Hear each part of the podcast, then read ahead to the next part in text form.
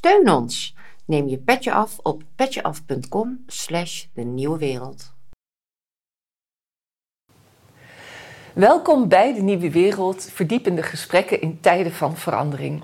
Vandaag is bij mij te gast Lydia Zelovic, filmmaker en ehm, zij deed ook een master in mediamanipulatie. En we gaan het vandaag hebben over de noodzaak van debat over vrede in de Oekraïne.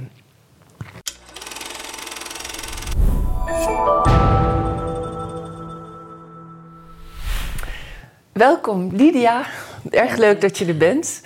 Ik heb je uitgenodigd nadat ik je hoorde spreken op 30 juni, uh, vorige maand, uh, bij een debat in het Pakhuis de Zwijger in Amsterdam. En dat debat heet Vrede in Oekraïne. En uh, je had in dat debat ook een, een, rol in het panel. En je had daar ook een, een voordracht die mij intrigeerde. En um, daarom heb ik je ook uitgenodigd om het te hebben over um, vrede in de Oekraïne. Maar misschien kunnen we beginnen, voordat we daarover doorgaan, over iets over jou. Dus kun je vertellen, want je bent filmmaker en je vertelde daar in dat debat ook dat je dus um, een master hebt gedaan in mediamanipulatie. En daar gaf je een aantal voorbeelden van. Maar je bent van oorsprong Joegoslavisch. Ja. Uh, en opgegroeid in Bosnië, Sarajevo begreep ik. Maar misschien, want je bent. In, wanneer ben je gekomen in Nederland? Want je bent echt gevlucht, toch? Ja. Uh, als oorlogsvluchteling. Kun je daar iets over vertellen? Uh, ik ben al 30 jaar in Nederland. Ook, ook, al kan je het niet aan mijn Nederlands horen. Um, ik ben gevlucht. ik ben sinds Koningsdag, Koninginnedag 93 in Nederland. Ik was um, echt een Joegoslaaf. Ik ben eigenlijk deels nog steeds heel erg Joegoslaaf.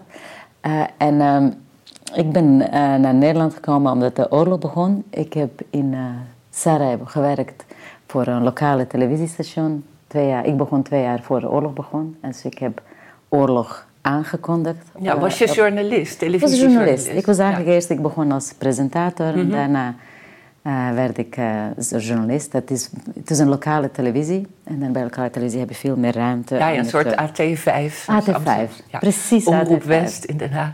Precies, ja. ja. Uh, en dus... Um, en ik had het toen... Ik was 21 toen de oorlog begon. Mm -hmm. En ik, had, ik heb dus op een hele andere manier naar die oorlog gekeken. Naar mezelf en naar de wereld. Dan dat ik het nu doe, 30 jaar later. Ik heb nog een jaar over gedaan om naar uh, Nederland te komen met ja. het idee, uh, oorlog is zo voorbij. Je zat nog een jaar daar in Sarajevo? In de regio, nee, ja, ik ja. zat eerst uh, en dan... maar waarom moest je vluchten?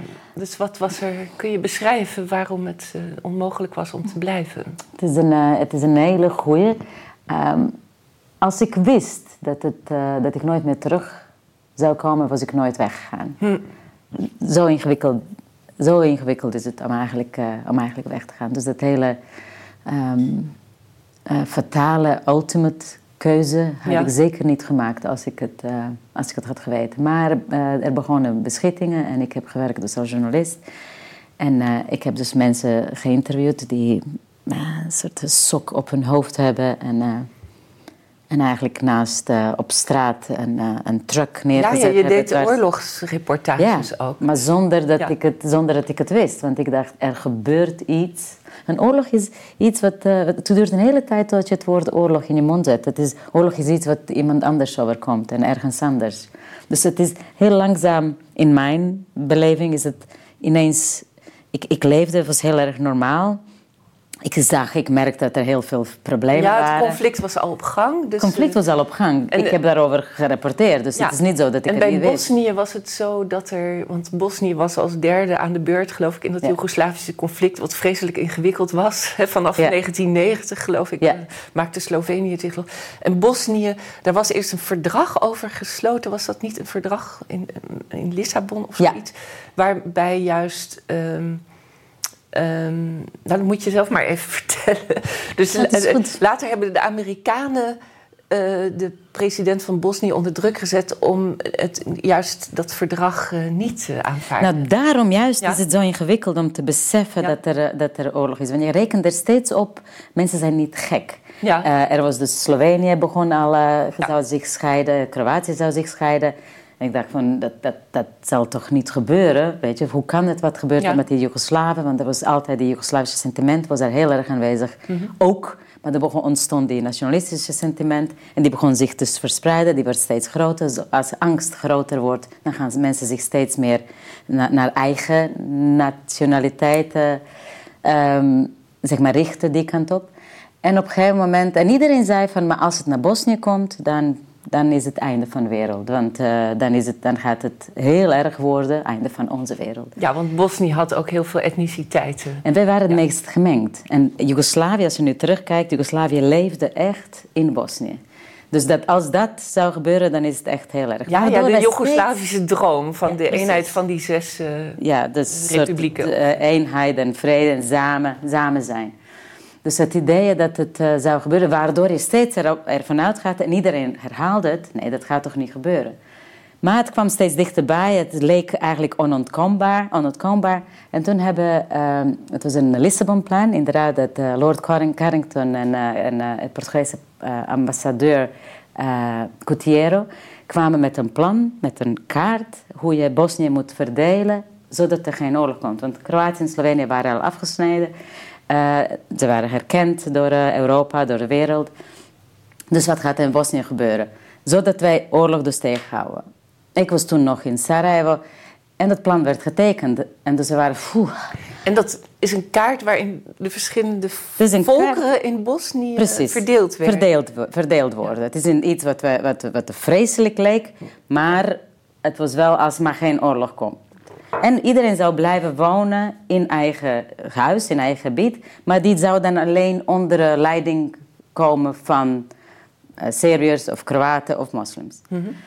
uh, en toen um, hebben ze het allemaal getekend, kwamen ze terug. En tien dagen later heeft uh, uh, Ali Izetbegovic zich teruggetrokken. Dat van, was de president? Of president, in die tijd, Bosnië. op dat moment president ja. van Bosnië. Heeft zich teruggetrokken van... Uh, en dat was van, Jezus, wat gaat nu gebeuren? Van nee, we gaan vechten voor volledige onafhankelijkheid. Wij willen niet dat soort verdeeldheid. Onafhankelijkheid van? Van onafhankelijkheid van het... Sowieso onafhankelijkheid ja. van Joegoslavië. Maar ja. ze, ze wilden eigenlijk... Izetbegovic zei, we willen hetzelfde uh, uh, regels, zeg maar, zoals Kroatië en Slovenië het hebben. Geen verdeeldheid van het land. Het leek... Want die plan kwam omdat het leek onmogelijk. Anders gaat de oorlog komen. Snel daarna begon oorlog. Maar nog steeds denk jij niet dat het oorlog is. Want er komen dus uh, schermutselingen... En dus ik heb gewerkt als, als journalist. En die oorlog die was tussen verschillende etniciteiten, ja. tussen moslims en. Ja, uh, dus uh, je hebt het. Dat waren drie grote etnische groepen: Syriërs, dus orthodox, Kroaten, katholiek en Bosniaken, moslims. Maar je moet je voorstellen dat daarvoor, wij zijn opgegroeid in socialisme en communisme, er was geen God, er was geen religie, er was. Dus ineens uh, was het soort uh, mensen die dat van vroeger ook al... Tenminste, er was wel God. Je mocht wel religieus ja. zijn. Maar het was niet te praktiseren. Het was niet een... Uh, het was een volledige... Ja. Nee, maar dus, dus terwijl in dat Joegoslavië... die verschillende etniciteiten en, en geloven niet duidelijk waren...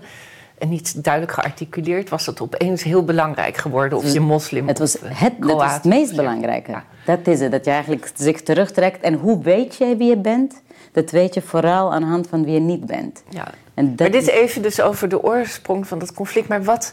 Want ik, heb, uh, ik herinner me beelden van uh, flatgebouwen in Sarajevo... die uh, gebombardeerd werden. Of dat. Dan is het toch wel oorlog op het moment dat er een bom valt op een flatgebouw. Ik dus, dus op welk moment besefte je dat het oorlog was? Ik heb het dus net daarvoor, was ik daar net vertrokken. Ik woonde op de, op de frontline. En ik heb het dus... er begonnen een maand voor het echt bommen begonnen te vallen. Uh, kwamen mensen op straat uh, met een soort muts, een soort een sok op hun hoofd, een auto dwars. En dus, hier mag je niet meer doorheen. En dit is Servisch of dit is... Wauw. Weet je, dan ga je als jonge journalist ga je naar zo iemand zeggen van... Waarom heb je een sok op je hoofd? Het leek me een hele redelijke vraag. Maar die andere persoon is ook heel erg eigenlijk in de war door iets. Dus hij geeft me antwoord. Dus zei van, nou ja, ik, eh, ja, dit is nu van ons en wie zijn jullie en wie ben ik dan? En mijn ouders waren heel bang dat, het, uh, dat ik uh, met mijn karakter waarschijnlijk en het werk die ik deed, dat ik snel in problemen zou komen. En ze wilden dat ik voor een week wegga. Oh, op die manier ben je vertrokken. Ja. Dus omdat, eigenlijk omdat je ouders. Omdat mijn ouders. je bang waren. Ja.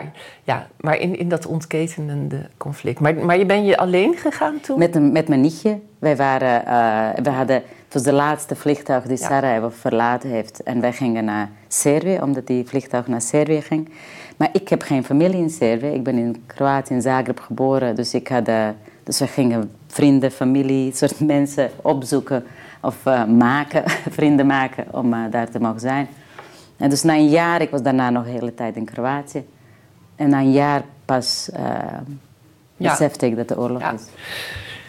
Um, want ik, ik, ik, ik vroeg dit ook uitgebreider aan je, omdat ik denk dat het met ons onderwerp te maken heeft over Oekraïne. Want kun je vertellen hoe je daar je betrokken bij voelt? Ik vermoed dat dat ook is doordat je iets weet over oorlog. Wat ik als, als geboren Nederlandse eigenlijk niet weet. Ja. Het, het, het, ergste wat ik mee heb gemaakt is de vuurwerkramp in Enschede. Ja. Dat leek ook wel een beetje op oorlog, maar daar was geen vijand. Ja. Um, dat was een enorme stommiteit, zeg maar. Maar daar was wel een woonwijk uh, ja. weggebrand.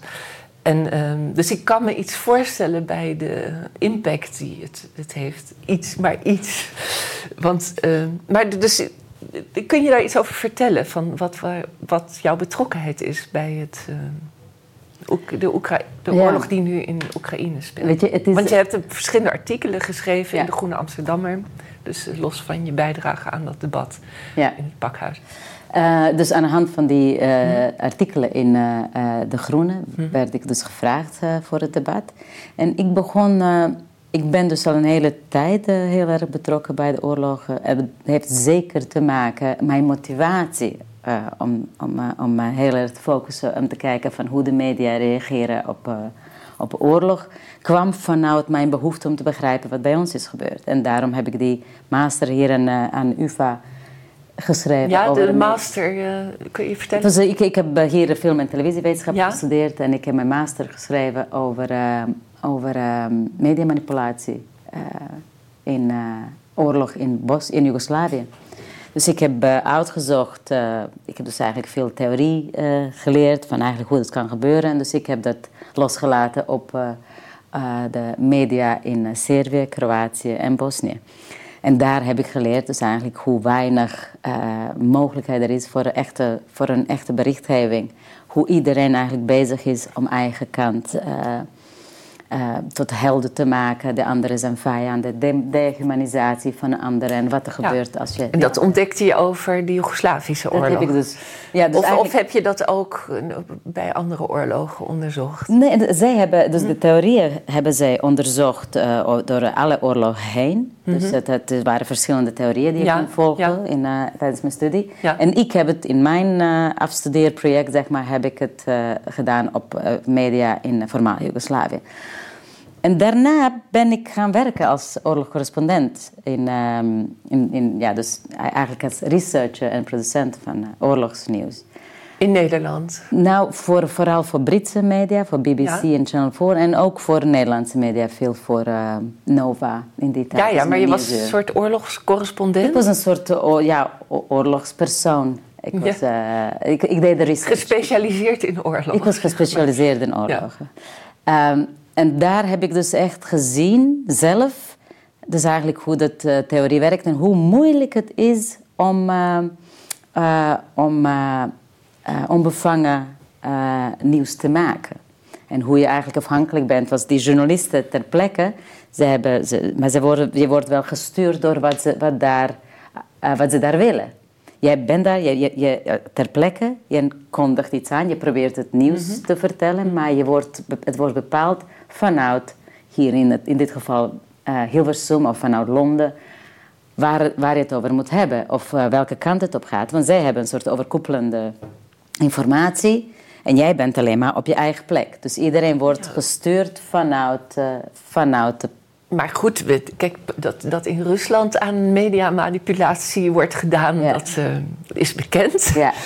Ehm, maar, maar, maar in Nederland hebben we toch een hele goede pers. Die zijn heel kritisch. Hoezo doen we aan mediamanipulatie? Want dat klinkt uh, inderdaad alsof er zeg maar willens en wetens uh, ander, iets anders voorgeschoteld wordt aan de kijker of luisteraar of lezer dan wat er feitelijk gebeurt. Hm. Zijn, gaat het over leugens? Of wat? wat? Um, Kijk, het feit dat het gestuurd wordt vanuit het hoofd is, is logisch. Want je, daar ter plekke ben jij klein en je weet niet wat er mhm. voor de rest gebeurt. Dus zij zijn bezig met overkoepelende informatie voor het hele ding. Maar wat er dus gebeurt, en ik denk dat het, waarom het in Nederland, waarom ik denk dat in Nederland men dus niet weet wat in oorlog in Oekraïne plaatsvindt, heeft te maken met men heel erg gelooft dat wat uit de Nederlandse media komt, dat het waar is. Omdat wij hier de objectieve zijn, objectief, met objectiviteit zijn. En in Rusland, daar doen ze mediamanipulatie. En guess what? In Rusland doen ze heel erg aan mediamanipulatie. Enige teleurstelling, of niet teleurstelling, of soort bewustwording, is dat wij dat ook doen. Op een andere manier, want uh, wat mhm. eigenlijk dus gebeurt in, in, uh, in rijkere landen, als je wil. het, wordt, het, is, het is een heel andere soort manipulatie. Je gaat niet, er wordt nooit gelogen in uh, Nederlandse media, zou ik bijna durven zeggen. Nooit gelogen, of in ieder geval niet bewust gelogen. Mhm. Het, gaat om, ehm, eh, het gaat om selectie van een nieuws die jij presenteert aan, uh, aan de kijker. En dus ook over semantiek in, in de oorlog. Er zijn, um, Chomsky heeft een heel boek geschreven, het heet Manufacturing Consent. Ja. Die in heel veel landen in, in de canon zijn. In de, in de kanon. In de kanon, ja, precies. Voor, voor journalisten. Voor journalisten. Ja, en voor en in Nederland niet. In Nederland niet. En het wordt alleen maar, überhaupt wordt alleen maar een paar keer genoemd. Volgens mij, iemand heeft het onderzocht. Volgens mij zes keer wordt het genoemd. Überhaupt, dat het bestaat. Maar uh, een uh, Nederlandse... Uh, ja, ik, ik, ken het wel. Het is een boek uit 1988. Ik Precies. moet bekennen dat ik het niet heb gelezen. En ik weet dat Noam Chomsky eigenlijk een beetje als een, een soort anarchistische, communistische denker. Of dat, dat imago heeft hij. Terwijl dit inderdaad een heel bekend en goed boek is, ja. volgens mij. Ja. Ik, uh, maar, dus, de, maar jij zegt dus, journalisten kennen dit niet. Nee, ze, ze kennen het niet en het wordt niet... Uh, wij bedenken niet. We kunnen niet eens bedenken. Überhaupt het idee dat, dat Chomsky zo eigenlijk in een hoek zo, zo iemand die zoveel werk gedaan heeft, die zoveel onderzoek gedaan heeft, een hele serieuze wetenschapper. Mhm. Eh, dat we hem eigenlijk in een hoekje duwen. Ja. Uh, en dat we daarom eigenlijk zich kunnen veroorloven om zo iemand niet serieus te nemen, zegt, al, zegt al heel veel. Maar dus eigenlijk. Um, Sorry, wat, wat vroeg jij? Nou, ik, dus de, de vraag was natuurlijk van hoe ben je... Hè, wat, wat, waaruit bestaat je interesse voor die oorlog in Oekraïne? En eh, dat, dat is vanuit jouw eh, interesse ook in, in mediamanipulatie überhaupt. Hè, in oorlog in het bijzonder. Maar kun je iets vertellen over wat... Dus hè, in, in februari 2022 begon die oorlog. Uh, zag je al want toen heb je ook al, al vrij vlot in De Groene geschreven. Zag je daar iets van wat je kende uit eerdere oorlogen gebeuren ook? Specifiek in de Nederlandse media? Uh, ik denk dat het al uh, veel voor 2022 uh, eigenlijk begon. Kijk, ik ben hier niet opgegroeid, maar uit mijn media-analyse en uit ja. andere wetenschappelijke media-analyses heb ik dus gezien dat er dus uh, Nederlandse media uh, eigenlijk altijd al in tijdens de Koude Oorlog de Amerikaanse uh, narrative overgenomen hebben. Er was heel weinig, er was toen al heel duidelijk dat Nederland, dus wat ook heel logisch is. Ja, in de Koude, Oorlog, dus die in 89 afliep. Ja, precies, ja. precies. En dan zeker na, daarna gingen, zijn Nederlandse media nog meer, zeg maar, in dat soort als je wil, neoliberale, op neoliberale manier. zijn marktgerichte uh, media. En dus eigenlijk er werd alles wat van die kant kwam, alles wat uit Rusland kwam, kwam in een hele, in een hele aparte daglicht. Maar dan heb je in Nederland ook een hele specifieke manier te kijken, want wij zijn een handel eh. Dus wij kijken op een hele andere manier. We willen ook kopen en verkopen. Dus dat is een, je zag heel duidelijk dat er een soort ingewikkeld iets is. Van we willen, wij willen van Nederland, we willen iets met, met Rusland te maken hebben, maar ze zijn ook vijand. En hoe kunnen we het samen, hoe kunnen we het samenvoegen? Dat kan je, kan je heel goed, als je mediaonderzoek doet, kan je heel goed Ja, zien. ik herinner me dat van de Eerste Golfoorlog in eh, januari 91, dat er eh, eigenlijk eh, oorverdovende stilte was over, zeg maar, of er alternatieven waren. Of, Want het was dat Saddam Hussein Ja. een eh, Ja. enorme slechterik was, een dictator. En dat het, het, was, het leek legitiem dat ze de NAVO eh, dat land binnenviel. Terwijl dat heel erg dubieus was. Ja, in de 2001 is er natuurlijk absoluut van alles veranderd. Het was de echt hele, hele grote justification, eh, goedkeuring van alles wat er mocht gebeuren in, in naam van ehm, war on terror. Maar daar is iets heel interessants gebeurd. Als je Met de kijkt. Eerste Golfoorlog. Nou, en de geestige golfoorlog, maar Ja. helpt met Saddam Hussein. Ja. En, eh, dus eigenlijk als je denkt van in, met de Eerste Golfoorlog, hoe het gegaan is. eigenlijk je krijgt een idee hoe Saddam Hussein is. Maar wat er dus gebeurde met, met 2002, toen de oorlog in Irak begon. Ja, of, Is- ja 2002, 2003 De met Colin 2000 Powell. maar dat- toen het begon. Ja, Toen, ja. het eigenlijk, toen je dan eigenlijk het soort het aanspraak van ga- hoe gaan we het doen, gaan we dat doen. Hoe Nederlandse media eigenlijk niet bericht hebben over, eh, over het eigenlijk te weinig informatie is. Ik heb mijn onderzoek gehad over, over eh, NRC. NRC heeft heel weinig eh, informatie eh, daarover verstrekt. En eigenlijk überhaupt media, eh, Nederlandse media hebben daar weinig. En toch waren, was het publiek tegen. En dat is iets wat, wat heel apart is, wat ik denk dat de moeite waard is om te checken. Er was heel weinig informatie. eh, ja, over, die Tweede Golfoorlog. over die tweede gebeurde. ge- oorlog, maar ook over, over eh, waarom zouden wij eh, Irak moeten aanvallen. Want Nederland deed eraan mee. Hm. Niet alle, niet alle Europese landen hebben Nee. eraan meegedaan. Duitsland en Frankrijk hebben zich heel erg verzet. En ik denk dat dat ook te maken had dat, dat de bevolking in Nederland zich verzette tegen die. Er waren heel veel eh, demonstraties daarover. Mensen wilden het niet. In vergelijking met nu. Hoe makkelijk men eigenlijk nu, maar nu ook overal in Europa en heel Westen, westerse wereld, wat eigenlijk eh, heel anders is dan de, dan de rest eh, van de wereld, hoe, hoe ze naar die oorlog kijken. Maar dat was een heel interessant hoe dan Irak, hoe de bevolking Ja, ja. dat... eh, Dus, dus je zegt in 2002, 2003, ik herinner me dus de demonstratie in Amsterdam toen in maart 2003, ehm, dat er toen nog ehm, misschien iets over was van een soort pa- pacifisme of Ja. een vredesbeweging. ja, Eh, dus er was nog georganiseerde kritiek. ja. En eh, nou, dat kan ik wel met je vaststellen, dat er nu over Oekraïne, over de oorlog in Oekraïne en de deelname van Ja. de NAVO en de deelname van Nederland, hebben we hebben laatst nog een aantal eh, Leopard-tanks gestuurd, dat, we, dat daar eigenlijk ja, nauwelijks debat over is en ook nauwelijks kritiek over te lezen is Nee. in de krant. En, eh, maar misschien is dat wel zo, omdat het, de kaarten heel duidelijk liggen. Hè. Het is zo dat Rusland eh, de Oekraïne is binnengevallen en die oorlog is begonnen, dus duidelijk de agressor is. En eh, nou ja, Oekraïne is toch een buurland van Europa, van de Europese Unie. Dus het is een. ehm, ja, het is duidelijk dat je dat moet verdedigen, anders wordt de Oekraïne onder de vo- voet gelopen. Dus dan eh, liggen de kaarten niet heel helder.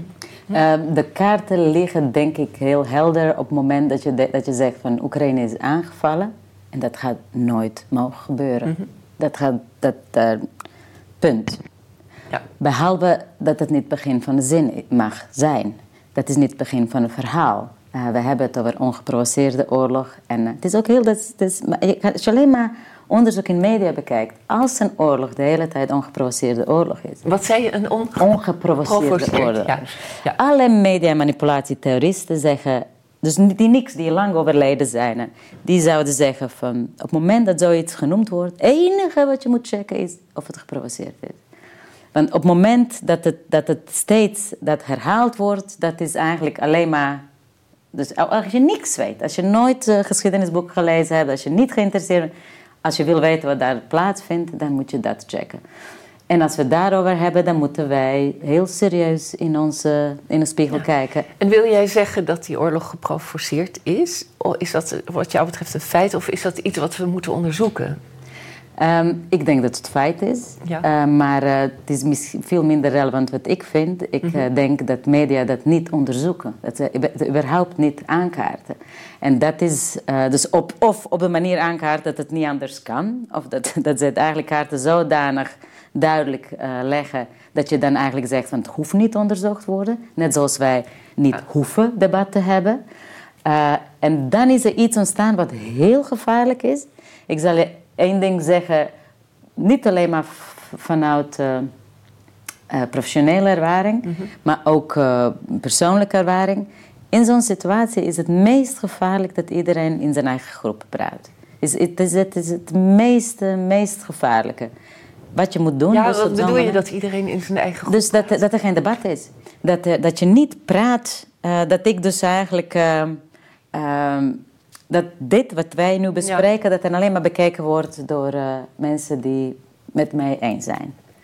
Ik ga niet over Ja, waar ja, jij we gaan over daar ons gaat. best voor doen om het ook Nee, maar dat is, want dat is gevaarlijk. Wat, het- wat, je, wat er dan gebeurt, je krijgt veel meer Ja. gelijk. Dus dat is eigenlijk waar, waar, waar nu eh, publieke opinie eh, is. Het is iedereen, het is een volledig... iedereen is het met elkaar eens. Ik behoor tot een piepkleine minderheid. Maar wat is dan het risico van die bubbels, zeg je? Hè? We, we, spreken, we, we, spreken, we spreken alleen maar voor eigen parochie. Ja, precies. Ja. De risico van een bubbel is dat je, dat je te veel gelijk krijgt en dan eigenlijk verdwijnt in je eigen gelijk en verandert niks.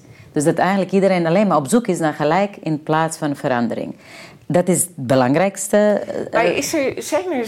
Want in, in Nederland hoor je eigenlijk nauwelijks eh, kritiek op die oorlog. En het Ja. is, er is een, een heel breed gevoel, denk ik, dat er geen alternatief is. Ja. There is no Ja. alternative. We moeten dat land wel verdedigen. En ja, dat moet je wel, want er valt met Poetin niet te onderhandelen, is de stelling. Hij ehm, is de agressor, hij zal doorgaan.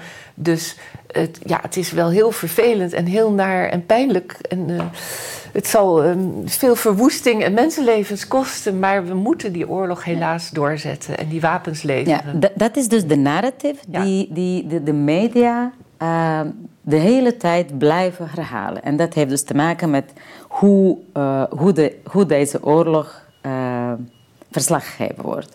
Het wordt vanuit één hoek. Nou, kijk, ik moet je alleen maar zeggen, vanaf het begin van de oorlog ehm, eh, hebben. ehm, eh, Alleen maar als je be- bedenkt eh, de sociale media, hoe het, hoe het ging.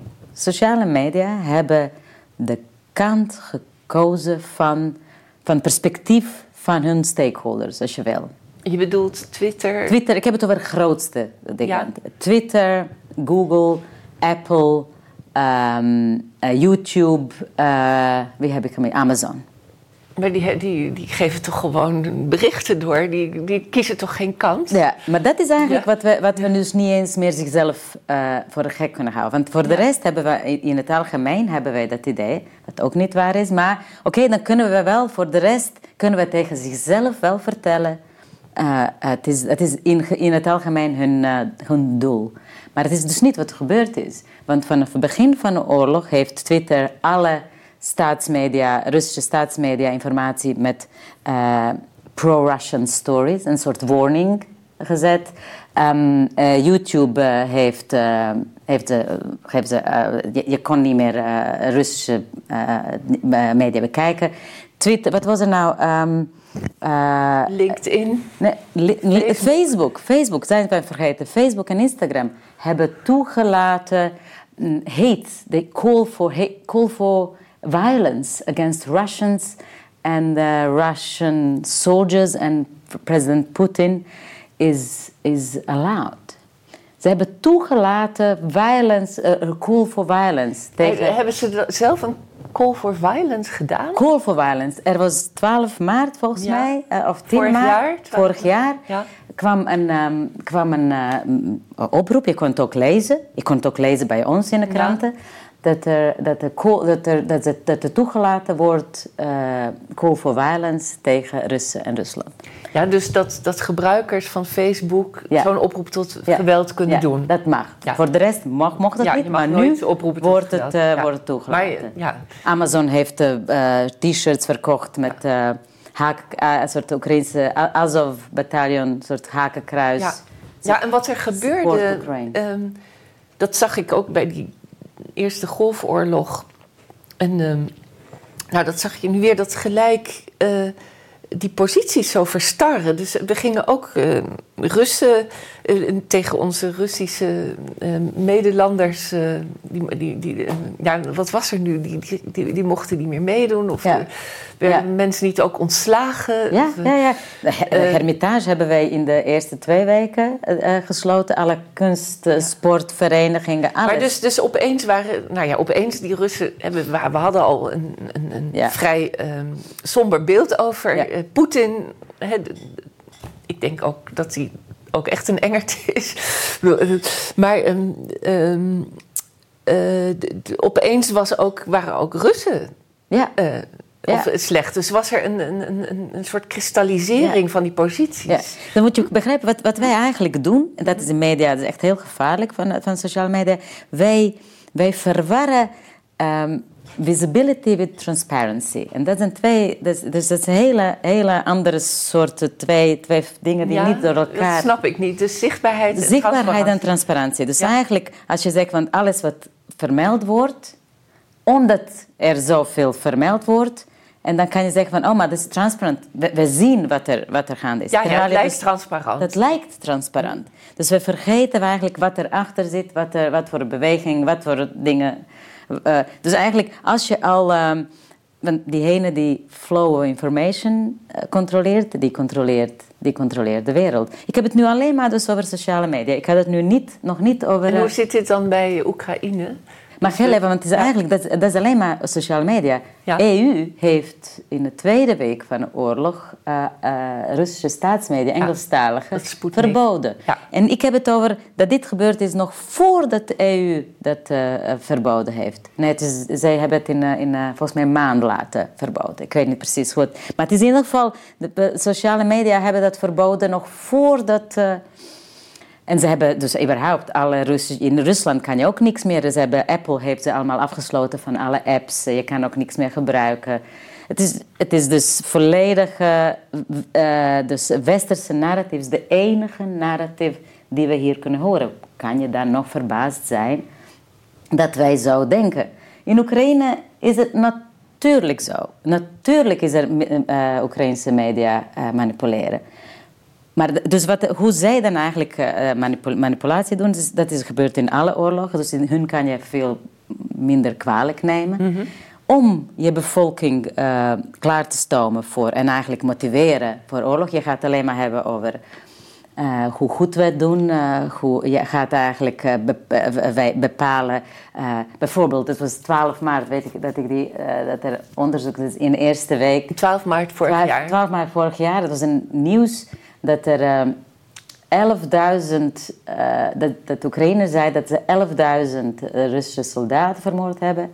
Russen zeiden dat er 487, als ik het heb, zoiets, 487 soldaten. En uh, het is interessant ook hoe wij dat dan overnemen, want er zijn geen neutrale, er, zijn, er is geen neutrale observer.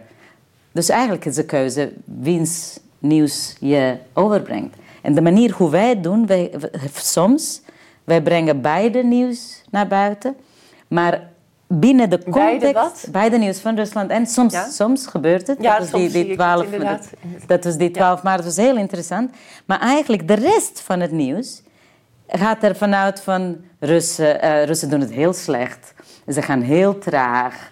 Uh, het is ook heel apart. Ze lijden grote verliezen. Ze lijden grote verliezen. Dus je, je meldt wel beide. Maar eigenlijk de rest van het verhaal is zo dat je eigenlijk dat, uh, die Oekraïnse uh, media volgt. En, en dat nou heel apart is, überhaupt dat ze zeggen van ze, ze zijn heel traag. Dat is iets wat in alle oorlogen gebeurt. Dat is een soort media-oordeel of er iets traag is of niet traag is. Er, gaan, er, er komen um, experts van Klingendaal en uh, overal vandaan die daarover vertellen. En dan zeggen zij, terwijl eigenlijk wij hebben niet hun plannen. Hoe weten wij dat het traag is? Er is een manier hoe wij daar, daarover berichten, is dat wij onze eigen positie en de positie van Oekraïne willen handhaven of we willen, we willen het supporten. Maar is dat we, support? We? We is, uh, ik zou dan eigenlijk wel, ik durf wel we te zeggen, want alles wat in onze naam gemaakt wordt, zijn wij. In onze, met ons geld betaald wordt, dat zijn wij. Ik probeer het tegen te vechten, maar ik zeg van wij is een Westen of een Nederland maar er is, er is niet een soort van complot hè, dat onze regering een deal sluit met de NAVO en dus zorgt dat de journalisten allemaal braaf één narratief vertellen. Nee. Dus de, interessant is hoe dat werkt. Waarom is dat een narratief zo, zo, zo, hè, zo conformistisch, zo, zo, zo klef, ja. zou je kunnen zeggen? Ehm, wat maakt, want er die journal, ik ken een heleboel journalisten die, uh, nou, dat, die denken over zichzelf dat ze uh, autonoom zijn en vrije keuzes kunnen maken. Ehm, dus wat gebeurt daar dat, dat dat verhaal toch zo eenvormig wordt? Ja. waarom Step Fase, die ken je waarschijnlijk ook, die, heeft wel een, die, die, die is wat kritischer, denk ik. Die heeft de jaarlijkse lezing voor de Nederlandse Vereniging van Journalisten gehouden. Waarbij ze ook, uh, als ik me goed herinner, ook zei van hoe, hoe, lastig het was om juist bij het Oekraïense nieuws te komen. Zij is ook uh, oorlogsverslaggever. Maar het, wordt, het wordt volgens mij in de kranten wel vaak verteld uit welke bron het komt. Ja. Uh, dus daarin zijn kranten ja. toch doorgaans heel eerlijk. Dat is het meest... Ze laten alleen iets weg, zou je dat zeggen. Is het hm? Ja, precies. Het gaat er eigenlijk niet om. Het is het meest interessante eigenlijk wat er in Nederlandse media dus hm? gebeurt. Als je uh, dus die manufacturing consent toepast op hoe eigenlijk Nederlandse media werken. Er zijn vijf filters die je kan checken, maar dat is weer een... De vijf filters van uh, Noam Vijf filters van Noam Chomsky, die je dan eigenlijk kan uh, op loslaten en kijken van één is, is ownership... Tweede is uh, reclames. Derde is sourcing, de, de, de informa waar de informatie vandaan komt. Ja. Uh, ik had het ook ergens... Uh, oh ja, um, de, de, vierde is, dat noemen zij flak. En het is een soort negatieve kritiek. En andere, de vijfde is de pro-marketing. Wat is vlek dan? Vlek is een negatieve kritiek. Bijvoorbeeld als, uh, en dat is absoluut bewezen dat in Nederland wel plaatsvindt, dat als politiek uh, regelmatig uh, negatief zich uit over iets, dat het invloed heeft op berichtgeving. Er zijn de helft... Ja, ja dat journalisten die kritiek... Dus als Poetin een dictator is, dan nemen journalisten dat over. Nemen, nemen het over. Maar het meest interessante is dus eigenlijk in die, in die onderzoek, een wetenschappelijk onderzoek van Tabe Bergman. En die is geplaatst in, international, in een hele belangrijke mm uh, international magazine for journalism, for communication. Um, waarin, uh, waaruit duidelijk blijkt dat, Nederland, dat, wij, dat wij dat, dat er dus dat er een soort propagandamodel toegepast wordt op Nederlandse media.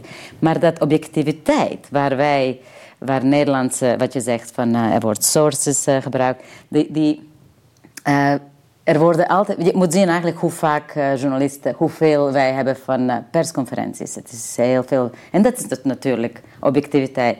We hebben het altijd over objectiviteit, waar wij, waardoor wij denken dat het, dat het, dat het waar is.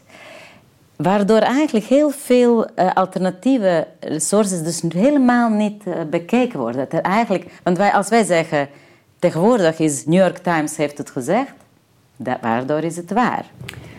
Uh, ik zal ja, je bedoelt alternatieve nieuwsbronnen. Alternatieve nieuwsbronnen worden helemaal niet... En dat wordt volledig genegeerd als het is niet objectief.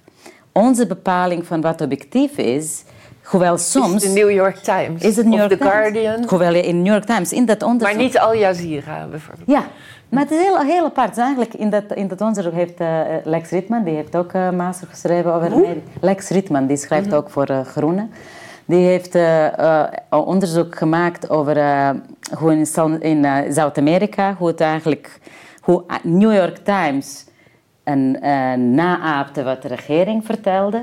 En dat de NRC en Telegraaf precies hetzelfde deden. En eigenlijk, omdat de New York Times zegt, want dan is het waar... Hoewel het daarna... Hoewel um, mensenrechtenorganisaties en heel veel onafhankelijke mensen daar waren die met precies andere informatie kwamen, die ook later waar bleek te ja, zijn. En dit, was een, dit mechanisme is een van die filters van Noam Chomsky. Ja, precies. En, zag je dit nu ook bij de oorlog in Oekraïne? Want toen is er een persconferentie gegeven, eh, dus door, door Rutte, toen die oorlog uitbrak. Um, zag je dat toen ook gelijk? Maar het was, maar het was, al, het was al eerder, zag je dat aankomen. En wat er dus eigenlijk bleek, het is bijna opluchting toen de oorlog begon, want nu begrijpen wij wat er gaande is. Dus dat is zodanig van, het is bewezen dat het evil is. De, evil waarvan wij altijd al dachten. Ja, al die tijd was. dachten al dat die Russen. Precies, ja. want waardoor wij eigenlijk toch wel handel mee gedreven hebben, maar nu hoeven we het niet meer van wijze van spreken. Want hij is evil en daar valt er niks meer over te... Poetin is evil. Poetin is evil. Zoals Saddam Hussein evil was en Milosevic. Precies, precies. Maar dan hoef je het niet te onderzoeken, dat unprovoked dan hoef je dat niet meer te onderzoeken, want dan is het alleen maar. Ja, ja je, je, bedoelt, je hoeft de andere kant van het verhaal niet te, te onderzoeken. Ik zal want ik bedoel, we kunnen het er best snel over eens worden dat, dat Poetin een, een, een, een dictator is. Makkelijk. En een agressor enzovoort. Ja. Maar, maar, dus wat maar het, gaat erom dat het verhaal. Mij gaat het dus niet. ingewikkelder is. Dit is duidelijk. Want we denken in zwart en wit, zeg maar. Ja. Maar het, het, feit dat, uh, dat, uh, dat in Rusland ze zo denken, daar zijn we met z'n allen eens. En het is veel moeilijker om toe te geven dat wij het, uh, dat wij het ja. ook doen. En wat is nou het gevolg ervan? Hè, want daar gaat het eigenlijk ook over in ons gesprek. Van wat als we dus um, zo één heel erg dominant uh, narratief hebben en eigenlijk niet uh, goed uh, meer kritische analyses toelaten.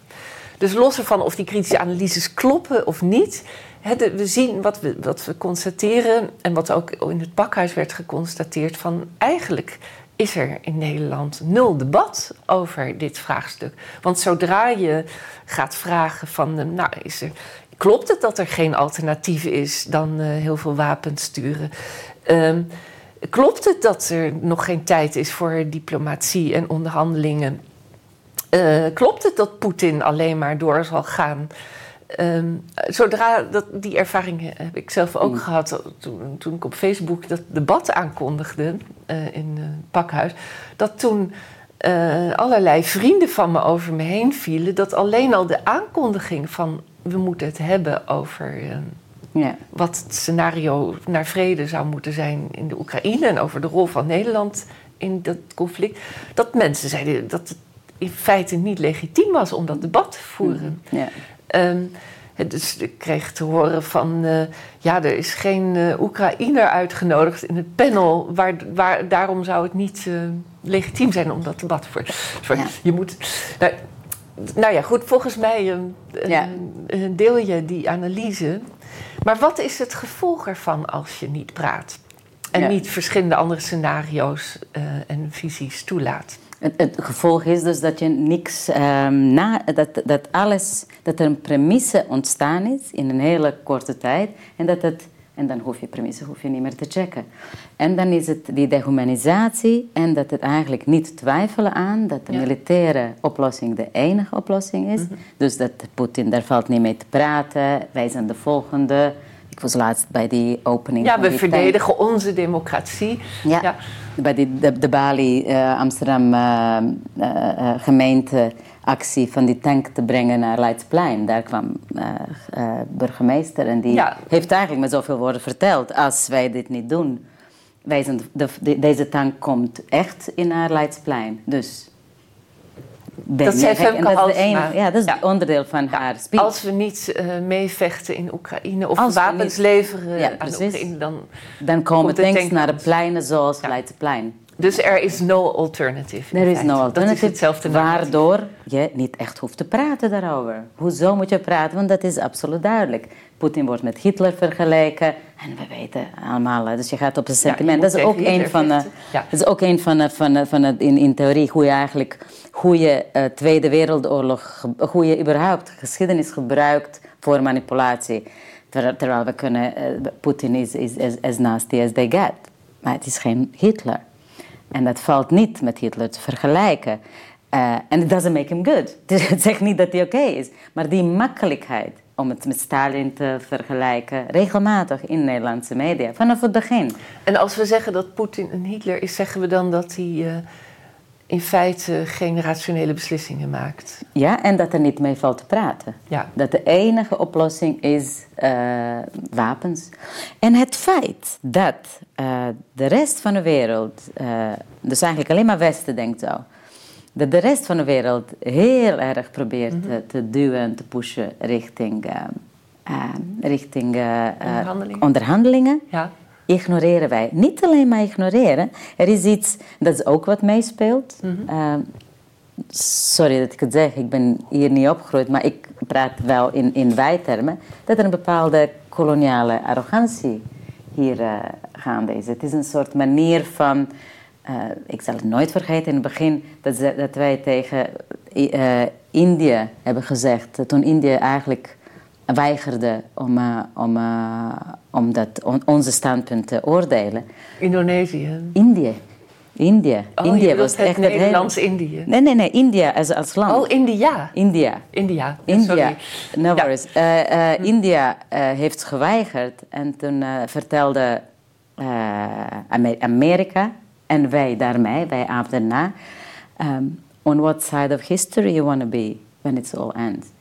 Dus dit soort arrogantie, dat wij die, en de, de, Indiërs zeiden in, in een soort poll van, wij zijn nog aan het recoveren van dat vorige keer toen jullie onze geschiedenis uh, geschreven hebben. Dus uh, um, hold your horses, weet je, van waar, waar, hoe, hoe gaan we dat... Ja, en hoe zijn we dan nu neocoloniaal in de houding wij, tegen o, Omdat wij dus uh, ignoreren wat de rest van de wereld te zeggen heeft. Ja. Wij weten beter, want wij staan altijd aan de juiste kant. Je weet nog toen er in Irak uh, uh, oorlog plaatsvond. En dat er, ja. in, in Libië was het letterlijk... Nee, het is het gevecht advocaat. van de democratie tegen de dictator. Precies, precies. En wij hebben de democratie, wij hebben, ja. we hebben eigenlijk de beste van alle werelden. Met Precies. de democratie en de rechtsstaat. Ja. Zij hebben dat niet. Ja. En, dat... en we, het is dus eigenlijk, het kan.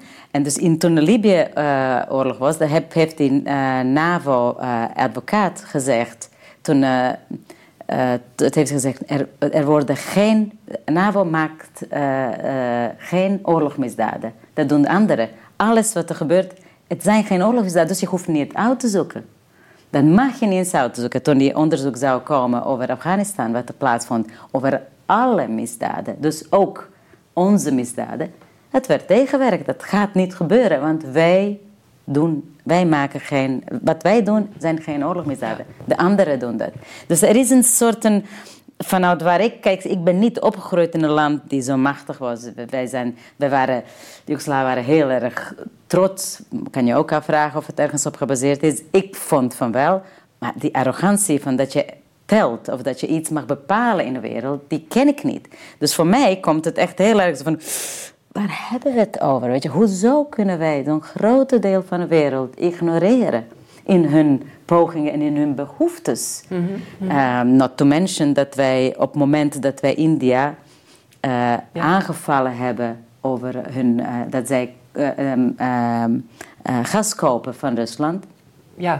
In die tijd waren wij, en dat, dat, dat, dat, dat, dat, dat, dat kan je wel zien, dat kan je wel lezen. In die tijd waren, was Europa uh, gebruikte evenveel gas uit Rusland in een middag als India het uh, gebruikte voor een maand. En wij alsnog waren, en Modi heeft, het, heeft, het, uh, heeft ze wel verteld, van denk, even, denk, denk daarover na. Op het moment dat, jij aan ons, dat jullie aan ons vragen, hoe durven wij uh, dat orde, hoe durven wij die uh, gas nog te kopen? Daarna is nog van alles veranderd. Ja. Ja. Maar, en dan moet je je voorstellen, het is nu anderhalf jaar later.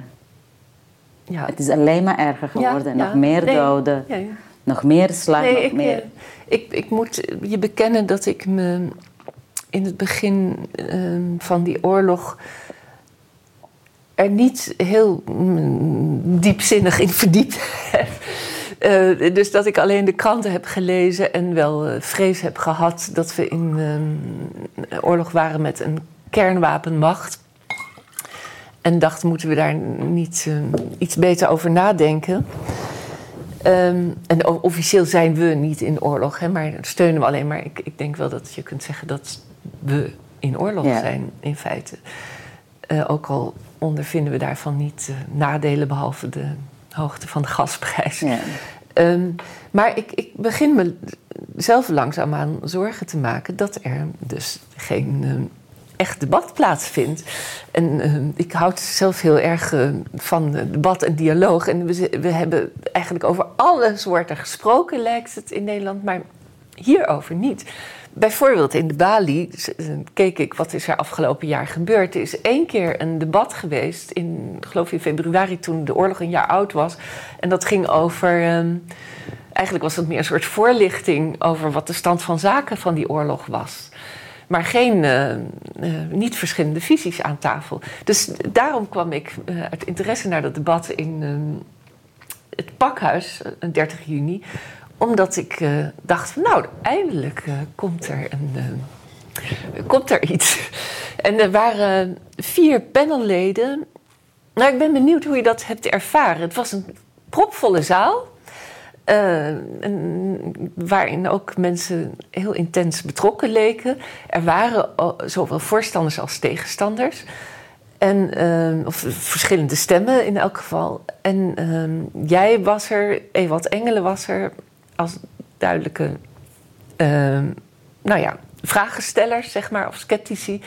En uh, Typhoon Balcic, als ik het goed zeg, het is een historicus. En uh, Dirk Boswijk, de CDA-Kamerlid, was er, defensiespecialist.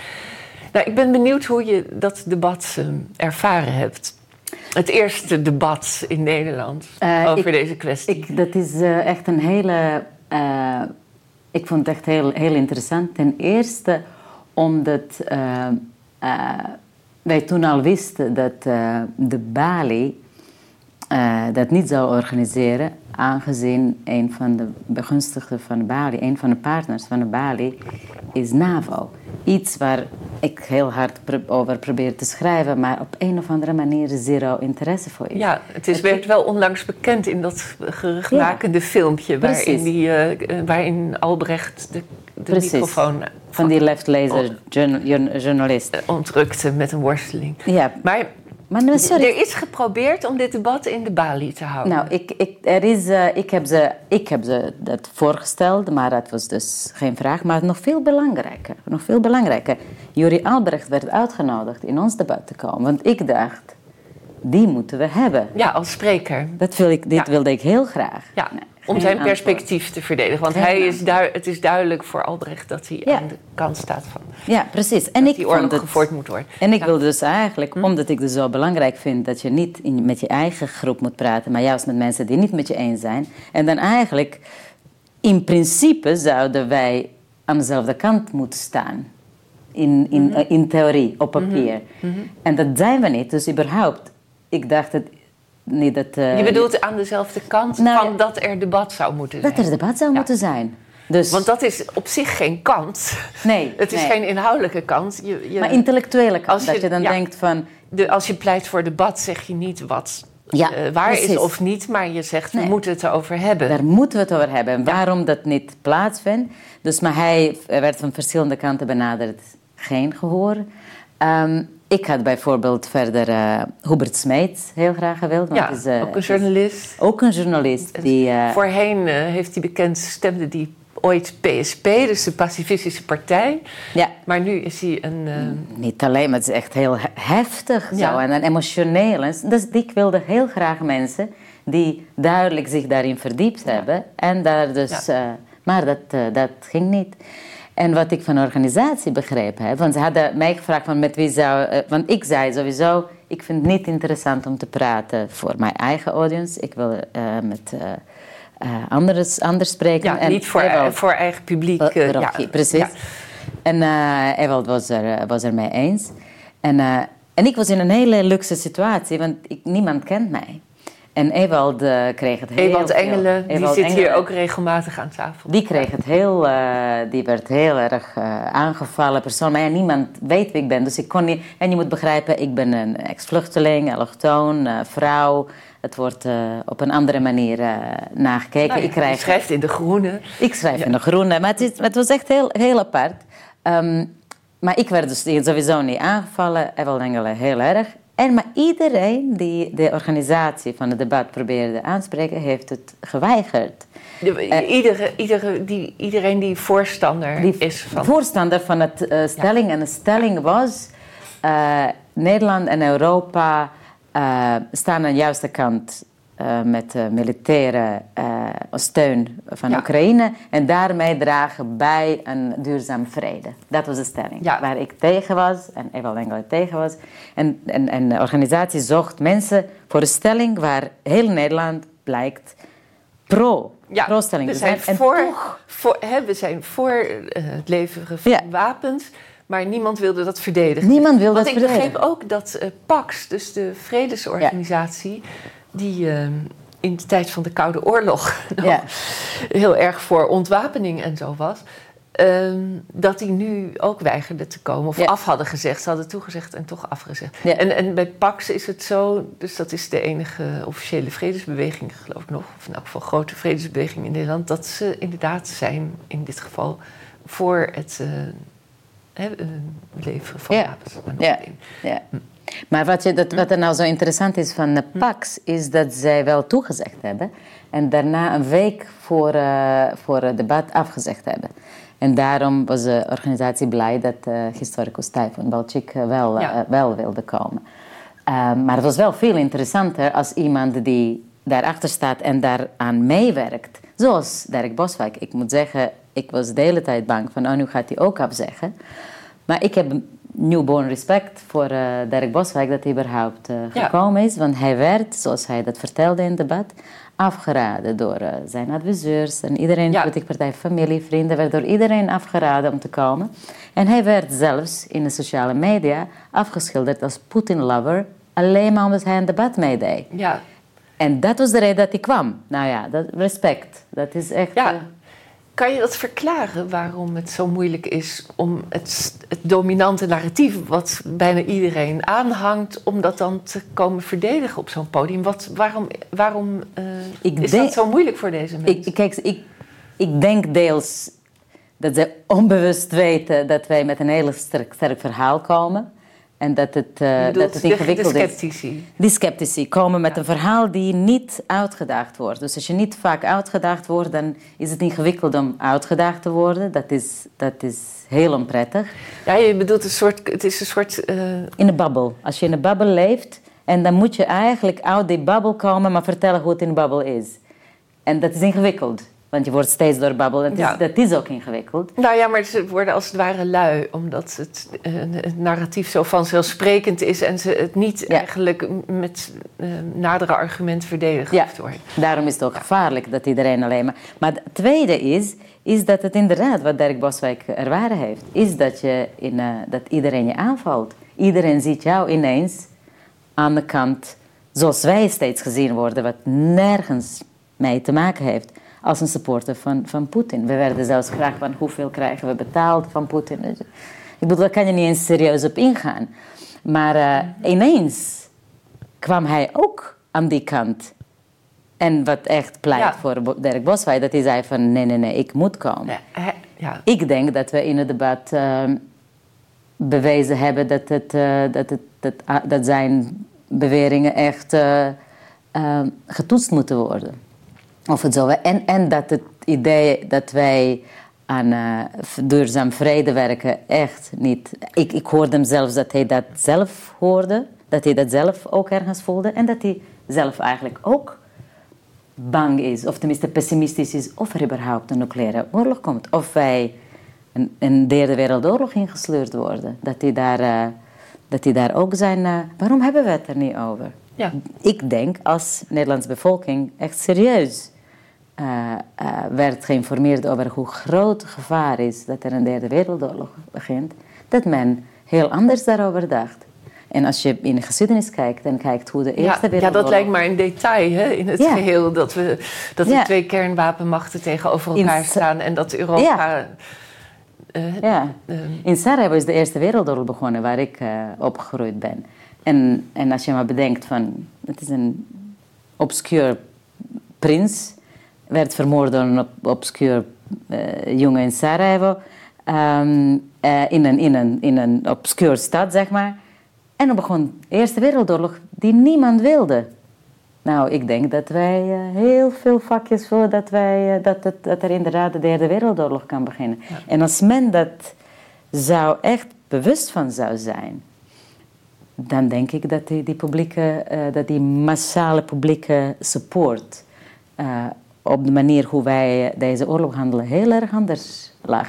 Maar ja, als je die informatie niet krijgt um, en men denkt dus nog steeds, wij zijn aan de juiste kant, kost wat het kost, zonder te weten wat het echt kan kosten. Ja. Wij moeten ze ondersteunen, militair. Wij moeten ze absoluut ondersteunen. Laat daar geen sprake van. Er moet steun komen voor Oekraïne. Absoluut. Maar is dat de militaire steun? Dat is het. Waar zijn onderhandelingen? Waar zijn alles anders? Ja. Ja, ik vroeg me af, hè, wat, je, wat je ziet, dus wat jij ook beschrijft in Bosnië en wat er gebeurde, dat, dat die posities die aanvankelijk, hè, loopt iedereen door elkaar en hebben we heel veel vers, pluraliteit van visies. En, um, uh, dat dat, hè, zodra dat conflict uitbreekt, verhardt en versteent. En ja. um, eigenlijk kun je zeggen, ben je op dat moment in oorlog, omdat er geen verschil meer is. En je zou ook kunnen zeggen, dat biedt ook de belangrijkste voedingsbron voor die oorlog, die verharding. Dus ook zou je kunnen zeggen dat degenen die oorlog voeren, en dat zijn nooit de burgers zelf, of meestal die worden erbij betrokken, maar uh, als ze uh, Ja. goed nadenken, heeft het geen, voor niemand een voordeel om aan die oorlog mee te doen. Het, is- het, is, het gaat vaak om degenen die aan de macht zijn. Ja. Ehm, ja, nu maak ik een veel te lange zin. Maar dan, dus die verharding is in het belang van degene die, hè, die, die, de, de, de machthebbers die die oorlog voeren. Ehm, als burgers heb je juist belang bij dat die verharding niet plaatsvindt. Hmm.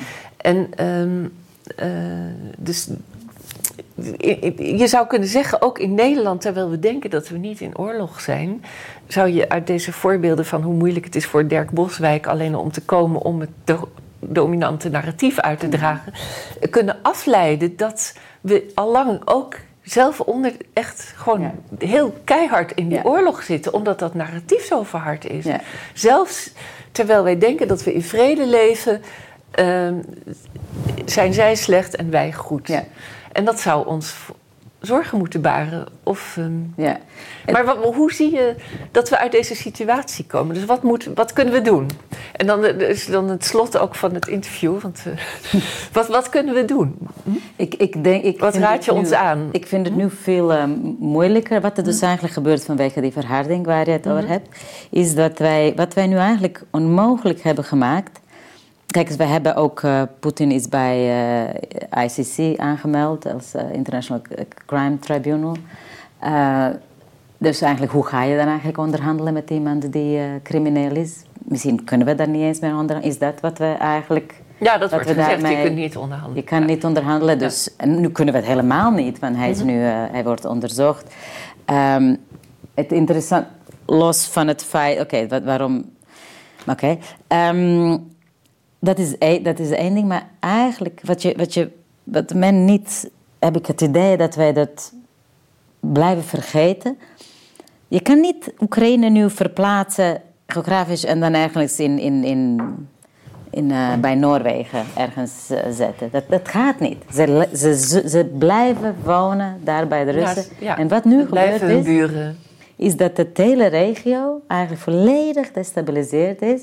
En dat het nog heel lang gaat duren, zeker voor Oekraïne, voordat zij, voordat er een... Als ze vandaag oorlog voor een of andere magische reden zou stoppen, hoe ga je door? Ik zie bij 30 jaar later, Ja. oorlog in Bosnië. Ja. Het is, Ja, wat zijn de scenario's? Ach, my god. De Ja. kans dat de oorlog in Bosnië nu zou beginnen, is veel groter dan het was in 89. Eh, eh, Het is qua, qua check and balances, zeg maar. Wat eh, bedoel je in Bosnië? In... Bosnië zou nu oorlog opnieuw kunnen beginnen. Want het is nooit... Het is nooit de oorlog maakt zoveel kapot. Dat er eigenlijk die, onderhandel, die, die situatie, die dehumanisatie heeft zodanig plaatsgevonden... dat mensen die anderen echter waren als een Ja. inhumeen. Waardoor de kans dat je eigenlijk wapen trekt... En er zijn heel veel wapens die er niet waren Ja. eind jaren 80... Is de kans dat de oorlog zou beginnen is veel groter. dat wat ik wil zeggen, dus eigenlijk moet je zien hoeveel geld en wapens gestuurd worden in Oekraïne. Waar is dat? We weten niet waar het heen gaat, hoe gaat. We hebben geen controle, niemand heeft die controle. Als de oorlog vandaag stopt, wat niet gaat gebeuren, maar als stel het vandaag stopt, hebben we een gigantisch probleem. In Oekraïne vooral. Een gigantisch probleem hoe ze eigenlijk met de buren gaan leven. Hoe ze eigenlijk voor de rest uh, uh, met andere. Hoe, hoe zij doorgaan. Ja, in het dus leven. wat voor de toekomst de, de, de wereldorde wordt, Ja. eh, daarop is helemaal, daar wordt helemaal geen beeld over gevormd. dus oh, duidelijk niet En los van onderhandelingen voeren moet je scenario's maken. Dan moet je scenario's wereldorde maken. Wat, gaat, wat Ja. gaat er gebeuren? Ja. Als er oorlog, als er nu oorlog stopt. Maar Nu- het kan niet. Dat Nou, we toen- nemen aan natuurlijk dat er die scenario's gemaakt worden eh, bij buitenlandse zaken. Ja, maar dus eigenlijk, Mhm. wat, wat, wat, waar, ik, eh, waar ik echt een soort problemen heb, want in maart of april was het toen Turkije onderhandelde Mhm. tussen Oekraïne en Rusland vorig jaar. Er waren, we waren bijna, ze waren bijna uit. En iedereen zei, Zelensky heeft ook zelf gezegd van, wij zijn bijna uit. We hebben, we hebben onderhandelingen en we zijn bijna klaar. En toen eh, kwamen eh, Boris Johnson en eh, er zijn genoeg aanleidingen om te geloven dat de West hun afgeraden heeft van die, van die onderhandelingen. En eigenlijk aangeraden heeft om te vechten. En het laat mij, of ik het wil of niet, denken aan die aan oorlog in Bosnië. Toen Warren Zimmerman, Amerikaanse, Amerikaanse ambassadeur in Joegoslavië, die in Belgrado was, tien dagen na die Lissabonplan waar we het in het begin over Ja, hadden. dat, Eh, dat, dat, hij dat, ook, eh, dat het ook eh, afgeraden werd. En dat is dus, dat, dit soort dingen gebeuren. ja, het was in het belang van Amerika in dat Ja. geval om dat, dat verdrag Dat tegen te houden. dat tegen en te dan houden. vier jaar later, Ja. alleen in Bosnië 100.000 doden. kwam Amerika als een hele grote held die dan Dayton Agreement voor elkaar gekregen heeft. Die heel erg, volgens mij 97% op die Lissabonplan Ja. lijkt. Dus het is, er is iets wat wij, wat oorlog kapot maakt. Ja. Wat, eh, wat eigenlijk zonder oorlog, op welke manier dan Ja, ook je zegt, eigenlijk hoor ik je zeggen, oorlog is geen, we moeten ons realiseren dat oorlog geen middel is. Ja, is Want dat het middel, eigenlijk, hè, we denken, die, die, die wapens, dat helpt om die Poetin terug te dringen. En dan wordt de Oekraïne gewoon weer zoals het was. Ja. Maar je zegt, denk na, want ehm, dat gebeurt niet. Je maakt heel veel kapot. Ja. Eh, en ehm, en, en dat, dat realiseren we ons niet. Het is in feite geen middel. Ja, er is, er is geen middel... En terwijl we denken, ja, maar als we dit middel niet gebruiken, dan, ehm, ja, dan laten we Oekraïne overmeesterd worden door Rusland. En dat is veel erger. Ja. Dat lijkt het ergste. Het, het ergste is, is dat dat is dus onderdeel van een narratief die we geaccepteerd hebben, die we nooit getoetst hebben. Ten eerste gaan ze, worden ze overmeesterd en er wordt dus niet over nagedacht hoe kunnen wij relatie tussen Oekraïne en Rusland zo goed mogelijk maken dat voor iedereen acceptabel is. Nee, wij gaan ze, wij gaan ze redden op onze manier. Nou, we hebben de helft van de wereld zo gered. En zoals ik merk, eh, het is nergens echt heel erg eh, goed Ja. uitgepakt. En hoezo denken we daar niet over na? Er is een, er is een spreekwoord ontstaan in eh, Joegoslavië na de, na de oorlog. En die zegt, eh, alleen, de eerste, eerst, die- alleen de eerste die vermoord is, is gered. En de rest is, eh, de rest is gevangen in een nachtmerrie. Dus eh, dat zoveel, zover over eh, oorlog als eh, Ja. de middel, de oplossing. Lydia, mag ik je bedanken voor dit gesprek? Ik zou nog lang door kunnen gaan, maar volgens mij hebben we nu eh, voldoende gezegd. En eh, gaan we een andere keer door. Dank jij zeer. Heel erg bedankt.